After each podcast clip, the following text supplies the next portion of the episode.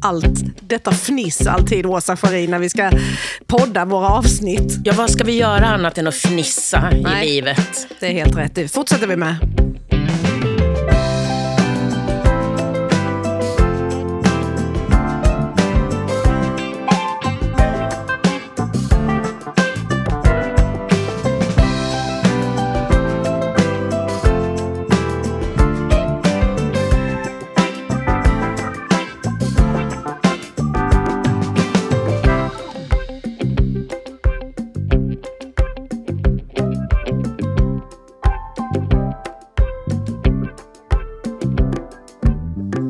Ja, så där låter den.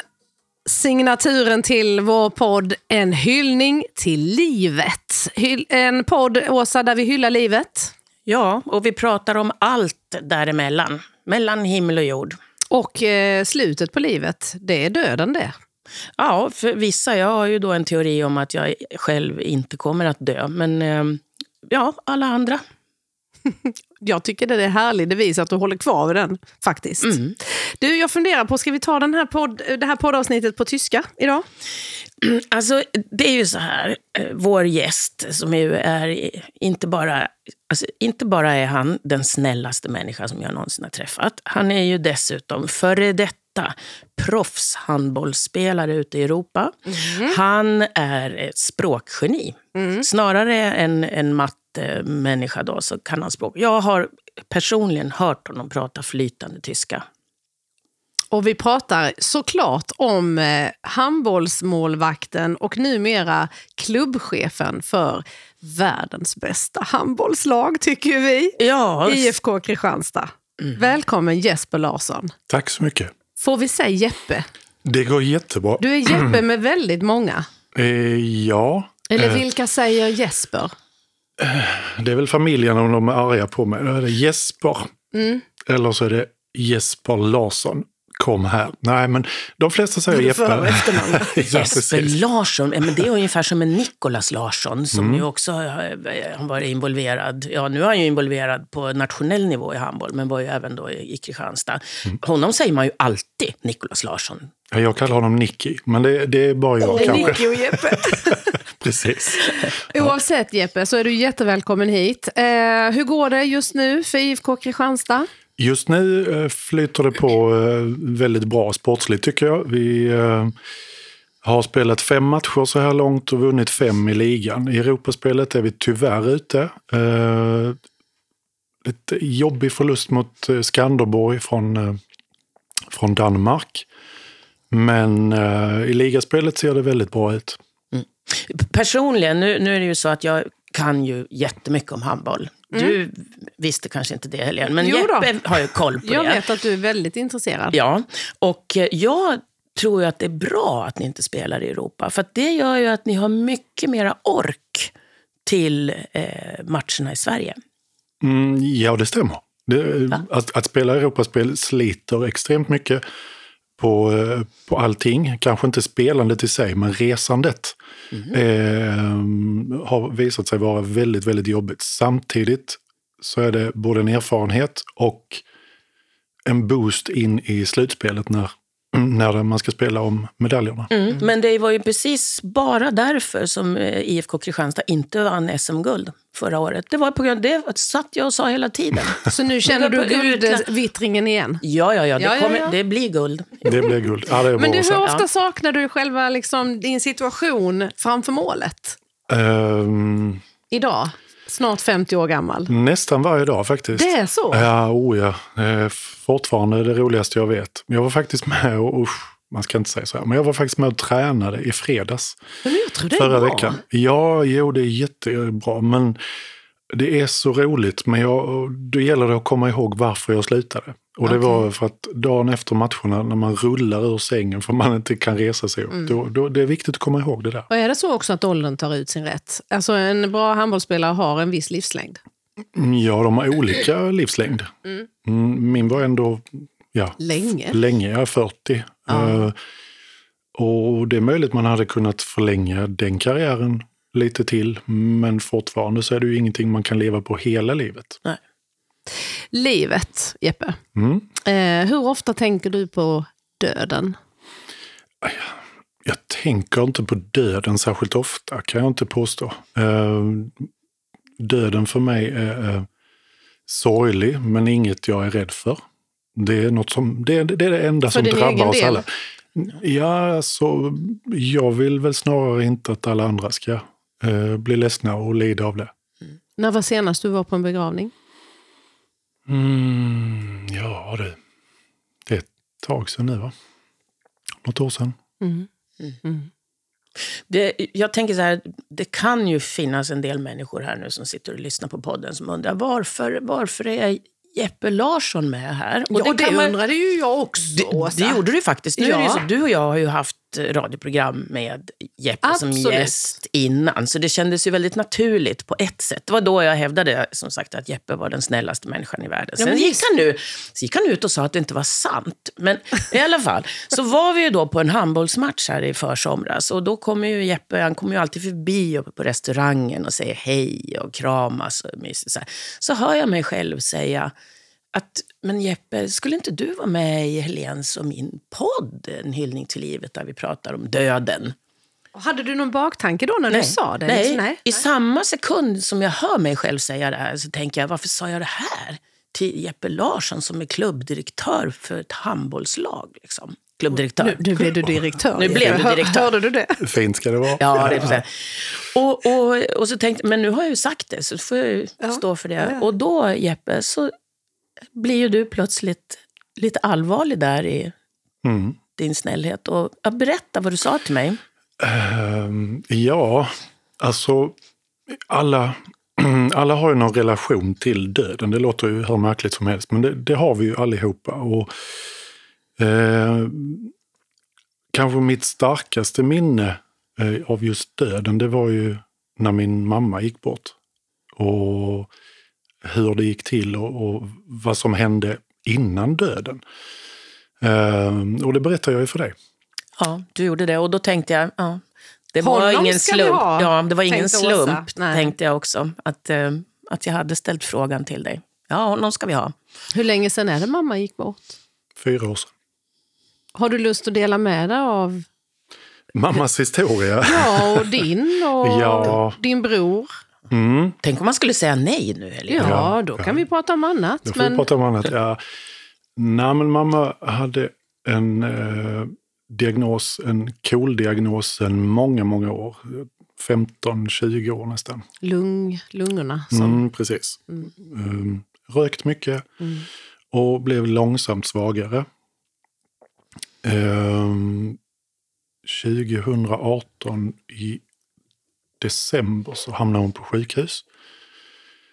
Och då var hon, eh, var hon jättesvag och, och infektioner i både lungor och kropp och, och allting. Eh, jag vet att jag hämtade hem henne på en onsdag. Och på torsdagen var jag och handlade till henne och Eh, allting var, var hyfsat. Alltså hon var svag men ändå lite på bättringsvägen från sjukhuset i alla fall. Och sen eh, fyra timmar senare så ringer min bror och så säger han mamma svarar inte i telefon. Så jag kör dit. Och det gjorde han och sen ringde han ytterligare en halvtimme senare och sa att hon är livlös. Och då eh, slängde jag mig i bilen och åkte in till Kristianstad. Och när jag kommer in till Kristianstad och mammas lägenhet så, så ligger ambulanspersonalen där och eh, försöker återuppliva henne. Mm. Med min bror stående bakom och där var kanyler överallt och, och väskor och bårar och ja, hela faderullan. Precis som de ska ju egentligen. Precis som Mm. de ska. Och när jag ser det så ropar jag bara stopp. Och allting bara fryser. Och min bror han tittar på mig och så... Så ni får inte återuppleva henne. För det är hennes vilja. Och det var jag den enda som visste om. Ehm, och de... Jag tyckte först att de tittade lite konstigt på mig. Men när de väl ringde in och fick klart för sig att jo, det stod faktiskt i hennes journal att hon inte fick bli återupplivad. De hade inte hunnit läsa den innan eller? Nej, det, allting gick så snabbt. Mm. Och senare på kvällen så somnade hon in på sjukhuset eh, med mig och min bror närvarande. Då. Och du visste ju vad hon ville, för att hon hade pratat med dig innan. Ja, så, Vad så, hade ni för relation då, du och mamma? För du fick ju reda på mer än, än eh, storebrorsan tydligen. Ja, ja, det var så att jag och mamma hade ganska stormigt eh, förhållande, eller väldigt, eh, väldigt öppet skulle man kunna säga. Med, eh, vi kunde bli väldigt arga på varandra och, och när jag blir arg så kan jag bli väldigt högljudd och verka eh, ja, ilsken. Inte så snäll, Åsa. Just det. Då blev du utåtagerande. Ja, så, så, ja. verkligen. Mm. Men eh, det måste ha varit ett halvår innan den här händelsen så frågade min mamma mig om jag inte kunde köra henne till Schweiz för att hon ville somna in. Hon ville dö. Oj. Du fick det uppdraget som barn. Ja, och det... Jag förstod henne. Hon levde inte ett drägligt liv de sista, de sista åren egentligen. Och hon, hon ville inte mer. Men jag är ganska övertygad om att det var bara mig hon sa det till. Hon sa inte det till någon annan. Och det, då sa jag till henne att jag förstår, men be inte mig om det. Mm. Alltså, att, vad, vad kände du där och då? Kommer du ihåg det, när du fick den frågan? Jag, många tankar går genom huvudet såklart.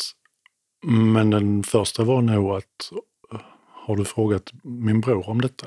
Eller sagt till honom detta? Och det hade hon inte. För pappa i det här fallet, dina föräldrar hade skilt sig också. Så Mm. han fanns liksom inte med i vardagen på det sättet eller? Nej, det var... Och ta några beslut så? Nej, nej, absolut inte. Det var jag. Det, Det var, var mamma och- och, och, så var det ju min bror och jag. Och sen har jag, hade ju mamma syskon. Ja, de lever ju Ja. fortfarande. Men de hade ingen koll på detta heller. Hur De pass- kanske får detta till sig nu. Ja. Det vet jag inte. Men Jeppe, hur, hur, hur reagerade din mamma när du sa nej? Ja, men hon förstod ju det. Men hon hade heller ingen annan hon kunde fråga. Det var liksom hennes önskan egentligen. Det var hennes önskan. Hon hade kollat upp allting. Så att det, var, det var Schweiz som gällde. Tror du att om du hade sagt eh, ja, tror du att hon hade velat eh, genomgå det då? Eller tror du att hon kanske, att det var något rop på hjälp bara? Att eh, hon kanske inte egentligen eh, hade gjort det? Vad tror du? Har du tänkt på det? Mamma var så dålig och i, i stunder deprimerad, skulle jag vilja påstå. Att hon hade tänkt igenom detta grundligt. Men jag tror inte att hon vågade outa det. Mer än till mig då, till slut. Hur pass mycket koll hade du om det här med dödshjälp och att åka till Schweiz? Det där be- begreppet hör man ju ibland. Mm. Hur pass mycket visste du om det? Nej, inte mycket. Inte mer än det man läser om det i tidningar i stort sett. Att eh, det är inte tillåtet i Sverige. Det förekommer i Schweiz, delvis i Holland tror jag också. Va? Eh, men mamma hade, hade kollat upp allting. Hon hade i alla fall en internetuppkoppling så att allting sånt hade hon kollat upp. För det är ju också någonting som kostar mycket pengar. Mm. Eh, Det är helt klart inte någonting för alla om man nu vill genomföra det. Men jag, har, jag läste på lite. Det är ju en oerhört kontroversiell fråga. Och eh, den kom ju upp på tapeten ganska så nyligen, Åsa, när jag tänker på skogsmunken, eller före detta finansmannen Björn Natthiko Lindeblad som gjorde det här så otroligt offentligt. Eh, Det hamnade i det offentliga rummet verkligen. Och han, det var du som sa Åsa att han hade videofilmat hela processen Mm, också när han visst. drack den här smoothien med, med ja, det är ju en blandning som man somnar in av. Liksom. Mm. Och de hade ju en läkare, en pensionerad läkare, som var med och bara såg till att det här gick. Ja, han bestämde Ja, ju hela sin process. Han hade en stor fest innan, en begravningsfest där han själv var med. Och sen så valde han på ett datum som bara han själv visste. Mm. Att nu, nu gör vi det liksom och sen blir det offentligt. Och de hade väl skickat tror jag, till polisen också. Eh, Mm. Där han hade pratat in och sagt att nu gör jag det här och det är mitt beslut. och så. Men det är som sagt det är ju oerhört kontroversiellt. Det är bra att det kommer upp eh, till ytan, att man pratar om det tycker jag. Mm. Och Daniel Hultner som vi pratade med i eh, förra poddavsnittet, han berättade också för oss, det gjorde han i och för sig inte i podden, men han berättade för oss utanför mikrofonerna att han hade begravt personer som hade kommit hem från Schweiz. Eh, och att det hade varit väldigt, väldigt lyckat. Men då var ju hela familjen på plats i Jag- skedet. Jag tror att, outar man det så för hela familjen så att alla får vara med och, och ta avsked eh, utan hemlighetsmakeri så kan det vara, kan det vara jättevackert. Men eh, om din mamma hade sagt det här, om hon hade samlat dig och din bror och sagt det tillsammans, tror du att det hade blivit annorlunda då? Hade ni gjort det? Jag vet inte om jag hade gjort det. Jag vet faktiskt inte. Jag eh, kan inte svara på det. Och, Eh. och hade du fått frågan idag så hade det varit lika svårt. Det hade varit lika svårt, men jag tycker att det är, det är värdigt att alla får besluta om det själv. Mm. Det, tycker jag, det tycker jag är rimligt och, och rättvist om förutsättningarna är helt värdelösa, om vi får säga så. Ja, och det är det ju för många människor. Ja. Det, det bara Jag tänker så. också på det, du- berättar om den här situationen där på köksgolvet och du skriker stopp och din bror blir såklart jätteförvånad. Eh, har ni pratat mycket om det här efteråt? Om, om jag kan tänka mig om det hade varit jag och min brorsa. Så här, varför har inte mamma pratat med mig om det här? Och varför vet du det? Och liksom, har, har ni suttit ner, du och brorsan, och pratat igenom det här? Vi har pratat om det, inte, inte jättemycket, men lite grann. Och, och kanske framförallt veckorna direkt efter hennes bortgång. Mm. Ehm, och, och det var väl att han blev så överraskad också att, eh, att de inte fick, att hon faktiskt hade valt att eh, säga till läkaren. Mm. Men bara ett par dagar tidigare. Att, just det här, att, och att han inte visste om det. det, det han tyckte nog det var lite konstigt, men samtidigt så vet han, också, eller han visste också att ja, vi kunde vara högljudda och, och Att ni hade den relationen som ni hade? Ja, precis. Ja. Mm. Ja. Jag sitter och funderar på om, om man själv skulle varit i din mammas kläder. Om man hade frågat sitt barn. På ett sätt, om man får vara egoistisk, så är det ju dem man vill ha med sig. Det är dem man vill ha runt sig. Vare sig, eh, ja, om man hoppas sig att leva med sin man eller inte, men barnen är ju någonting speciellt. Mm. Eh, så att jag på ett sätt kan jag också förstå henne. Ja, och jag kan också förstå att hon valde bara dig. Alltså inte nu att hon inte valde just din bror, men att man har, man har nog olika relationer till sina barn. Det tänker jag med mina föräldrar. Alltså, mycket av det jag pratade med min mamma och eller min pappa om, det, det var ju inte sånt som de pratade med min storebror om. Eh, faktiskt. Så det, det är väl inte så konstigt att man har olika relationer Nej. på, på det sättet. Ja, men jag tror inte att, alltså vi, jag och min mamma, vi hade, som sagt, den var, den var ganska stormig och, och högljudd ganska ofta. Säger du Eh, det så- på liksom ett, ett jobbigt sätt? Mm, i- Både och. Mm. Mm. Ehm, att, att förlora en familjemedlem är, är tufft oavsett. Mm. Och jag tror egentligen att min bror hade ett stabilare förhållande eller en stabilare relation med mamma. Men hon kanske inte ville prata med honom om just allt. Det har jag landat i. Mm. Vem var det sen som hade hand om begravningen? Ja, den, du menar om mig och min bror? Ja. han, det skötte vi gemensamt vi, och vi var rörande överens. Men vi var också förberedda båda två på, på det. Liksom, vi visste att det hade inte gått så, så många år till oavsett. Nej. Så mamma hade förberett det mesta med, med sin begravning. Hur hon ville bli begraven och vilken musik som skulle spelas. Livsarkivet, och, Ja, vi säger det om och om igen. och Ja. man blir påmind. Hur viktigt det är. Och det ger oss... eh, Har gav- du, har du jag sådana har- tankar? Ja, det är klart jag har tankar. Men jag, de har jag, inte jag- skrivits ner. De har inte skrivits ner. Nej, men musik och sånt är jag rätt så... Skulle du själv kunna be, du har barn, Oh ja, två döttrar. skulle du kunna be någon av dina döttrar köra ner dig till Schweiz? Nej. Nej. Nej. Oavsett- Egentligen, alltså inte, oavsett. egentligen inte jag heller, för, för man tänker på barnen och det, de ska Nej. inte behöva ta det här beslutet. Exakt. Samtidigt så är man egoistisk och säger, ja men är det någon jag vill ha med mig så är det barnen. Alltså Ja. det är jättesvårt. Ja, där går min, eh, där Ja. går min gräns. Nej, jag skulle aldrig vilja utsätta dem Och lasta dem på det? det. Nej. Nej. Skulle du välja en vän i så fall, hellre? Ja, Om, mm. Mm. definitivt. Mm. Mm. Men din mamma hade kanske inte vänner på slutet så, eller? Hur? Mm, jo, hon hade, hon hade vänner. Men jag tror ingen av dem... Jag tror att den generationen människor, de hemlighöll ändå, hur bra vänner de än var, så hemlighöll de vissa grejer för sina vänner. Ja, men det, det är jag, jag är helt med på vad du säger. Det är 40-talisterna. Exakt. Man, man berättar inte allting ut Man, man ska inte lasta folk med sin Exakt. skit.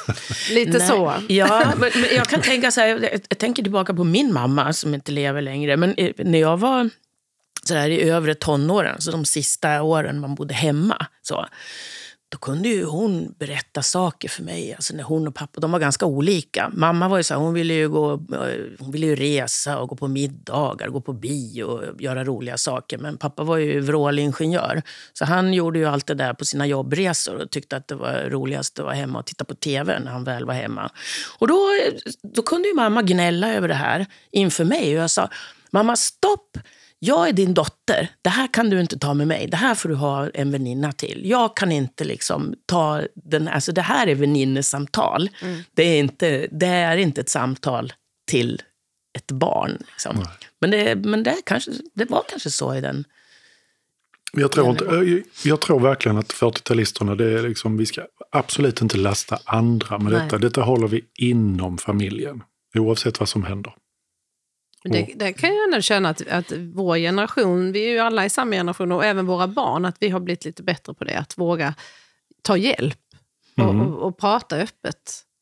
Ja, och jag Jag det, sa till dig inledningsvis, Jeppe, innan du, ska du ha lite vatten, kaffe eller ska du gå och kissa? Det är ju ändå 50-årsåldern, nu har du det med prostatan, sa jag. och då började vi skratta. Och Ja. helt plötsligt så börjar man prata, ja men vi är alla där. Ja, men det är naturligt. Men som kvinnor så har vi, det, alltså, livet har ju sina skeenden. Ja, men då kan vi ju då säga att Jeppe behöver inte sitta på en kudde här Nej. nu i studion. Det deklarerar han stolt. Men du har fått Men din första jag- kallelse. Ja, den, nej, den kommer väl till våren här. Ja just det, du är inte 50 än, så var det ju. Ja, just det. Jag måste då sitta på, nu har jag visserligen ingen prostata, men jag sitter ändå gärna på en filt eller en kudde. Får inte bli kall. Nej, nej men det är ju, ja, återigen, vi ska inte vara rädda för att prata om det som vi egentligen alla berörs av. Nej. Det tycker jag att vi har blivit bättre på. något Och jag, och jag hoppas ju någonstans att nästa generation, alltså våra barn, att de också eh, inser ganska tidigt att de ska inte planera sin begravning kanske, men vissa delar är faktiskt bra att ha till de efterlevande. Om man inte har pratat om det. Var barnen med på farmors begravning? Ja, Ja. det var de.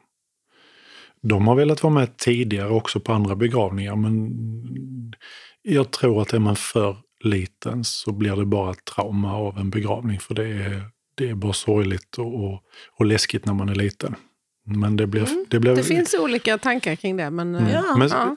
samtidigt så har de, de har rätt till ett avsked de också. Mm. Ja, det tror jag. Och på många sätt. Jag, jag förstår hur du tänker, men jag tror också att barn har ett mer naturligt förhållningssätt till Mm. död. Alltså, de, de har ju, vad ska man säga, de är ju naturliga inför det mesta Mm. egentligen.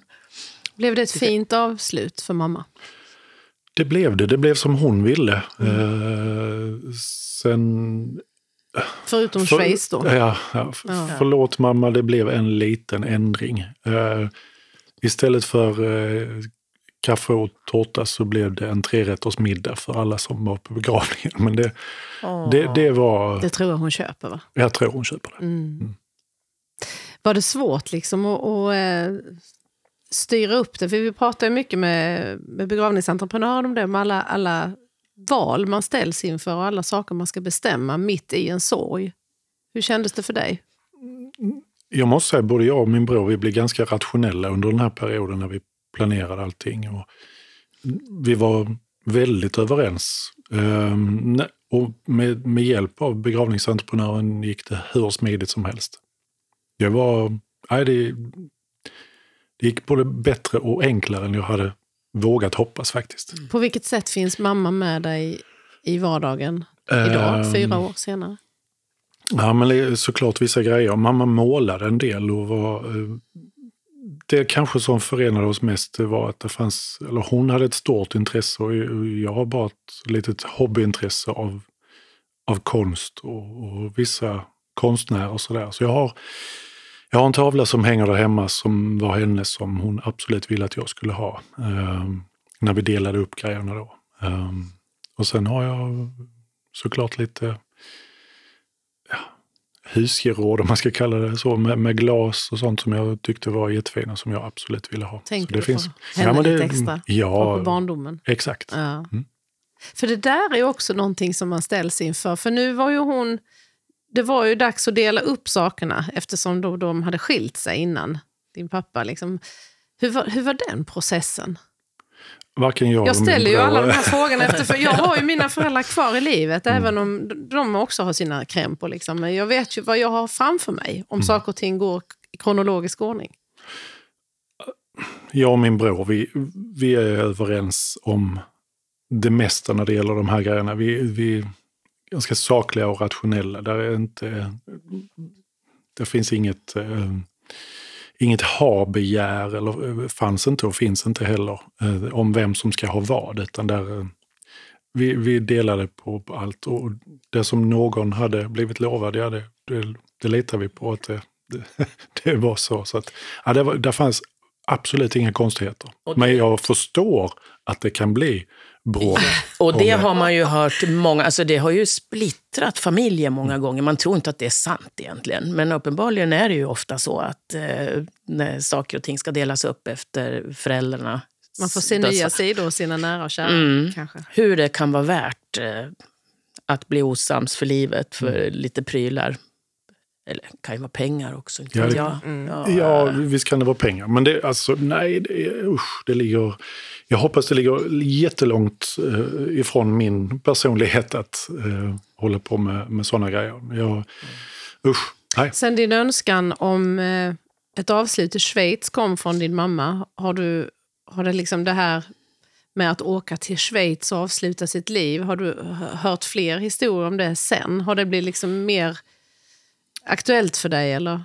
Nej, inte i min närmsta krets i alla fall. Det, det har, jag inte, har jag inte hört. Inte förrän förra året när, när det kom en film då med Sven Ja, just Wollter. det, Var det? Sven Wollter, just det. Men du, om, om eh, din mamma hade levt idag och frågat dig, bett om hjälp Mm. att eh, köra henne till Schweiz, hur hade du tänkt då? Jag hade nog tvekat mer. Jag hade nog tacklat det på ett lite annat sätt, det tror jag. Jag tror vi hade pratat mer om det, men just då så tyckte jag bara att det var orättvist att hon frågade mig, eh, ett av barnen. Då. Men eh, jag hade tacklat det på ett annat sätt. Men hade du kört ner henne? Ja, det vet jag fortfarande inte. Nej, Nej det är svårt. Det är Ja, svårt att veta. verkligen. Men det är ju som du säger, det är ett svårt beslut. Det är svårt eh, att lägga det på, på ett barn, Mm. naturligtvis. Ja, verkligen. Så är det ju. Och jag tänker också på din mamma som var sjuk så länge i ALS, Åsa.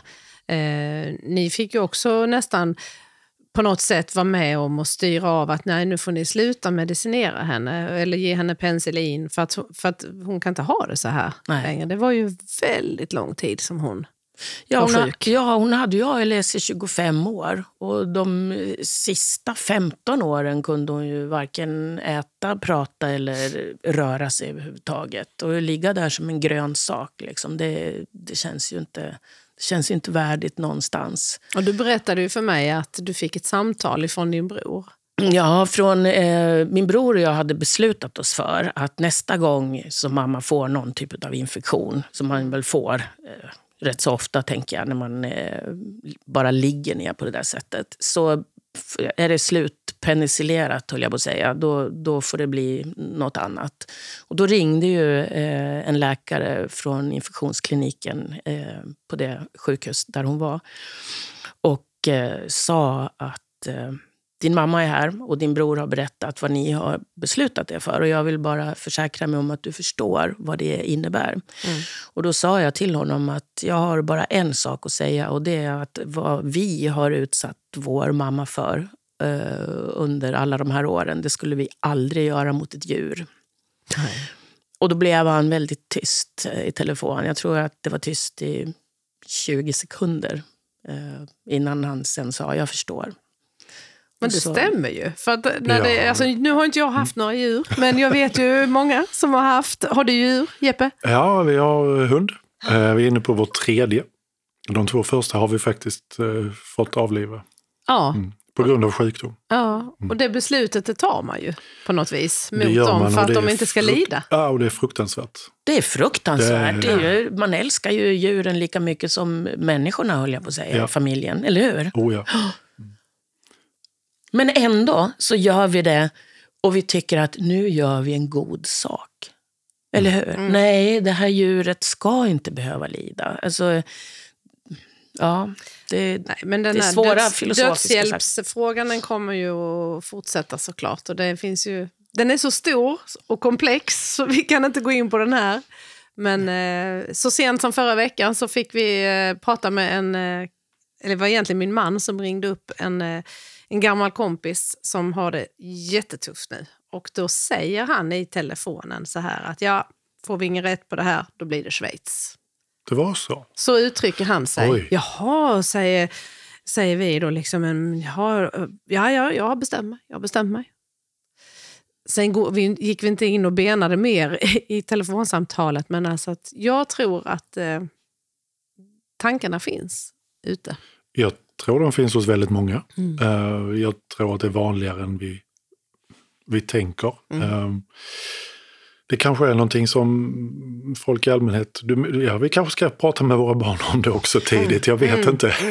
Nej, och det är ju, det, det, precis. Så jag tror också, men, men sen finns det ju, å andra sidan, så finns det ju också ofta en livsvilja, fast man kanske säger att man inte vill. Jag har en, en väninna vars mamma låg på ett äldreboende i många år. Och varenda gång min väninna kom dit så säger mamman, jag vill inte leva längre, jag vill inte det här. Och då säger min väninna som är ganska krass, och sa hon, sluta ät då. Ja, det är ganska Men det gjorde hon inte. Nej, så lite livsvilja fanns det ändå. Ja, ja på något sätt. Det- Jag tror det finns olika saker att, att, att vilja leva för. Ehm, när man väl mår så dåligt så att man inte kan längre. När man börjar prata om Schweiz, då har det gått så långt. Och, och som er vän, han... Jag tror Han- också pendeln har lite förflyttats. Ja. Ja, Mm. jag tror det. Dels för att forskningen är hyfsat långt fram Mm. när det gäller de flesta sjukdomar. Det är klart att vi hela tiden kommer längre. Men folk vet i allmänhet när det är dags. Om man, är, om man har någon sjukdom så Mm. tror jag att de vet när det är dags. Mm. Ja, det var så fint att, att höra dig komma och prata om det här mitt i din vardag som klubbchef för IFK Kristianstad. Direktör, och förlåt, om jag får be. eh, Klubbdirektör Jesper Larsson. Eh, vad har du mer på agendan idag? Mm, Ja, men idag har vi, där är lite administrativa grejer. eh, Lite ekonomi, lite sport. Och när måste- är nästa match då? Jag, Onsdag. Är det onsdag? Är det nu vi ska slå ett slag? För att det är se, alltså seriefinaal på onsdag då, mot Ja, IFK fast sen är det ju så här när man lyssnar på den här Ah, podden. okej. Det, man kan ju lyssna på den nästa sommar och man kan Eh, lyssna exakt. på den Det är ju det. Så vi är inte så där med datum och så. Men oavsett, n- när som helst, vad som helst i livet så önskar vi IFK Kristianstad lycka till. Ja, men det, Det är vi ju kommer så. vinna. Vi, säger jag nu. Ja, vi är vi nu. kommer att vinna Men det är det som är så härligt, att det är vi Då är tillsammans. det vi. Ja, ja.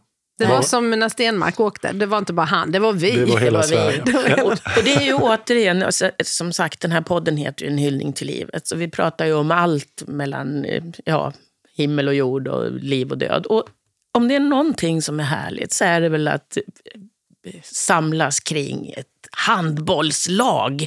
Framförallt om det är IFK Kristianstad.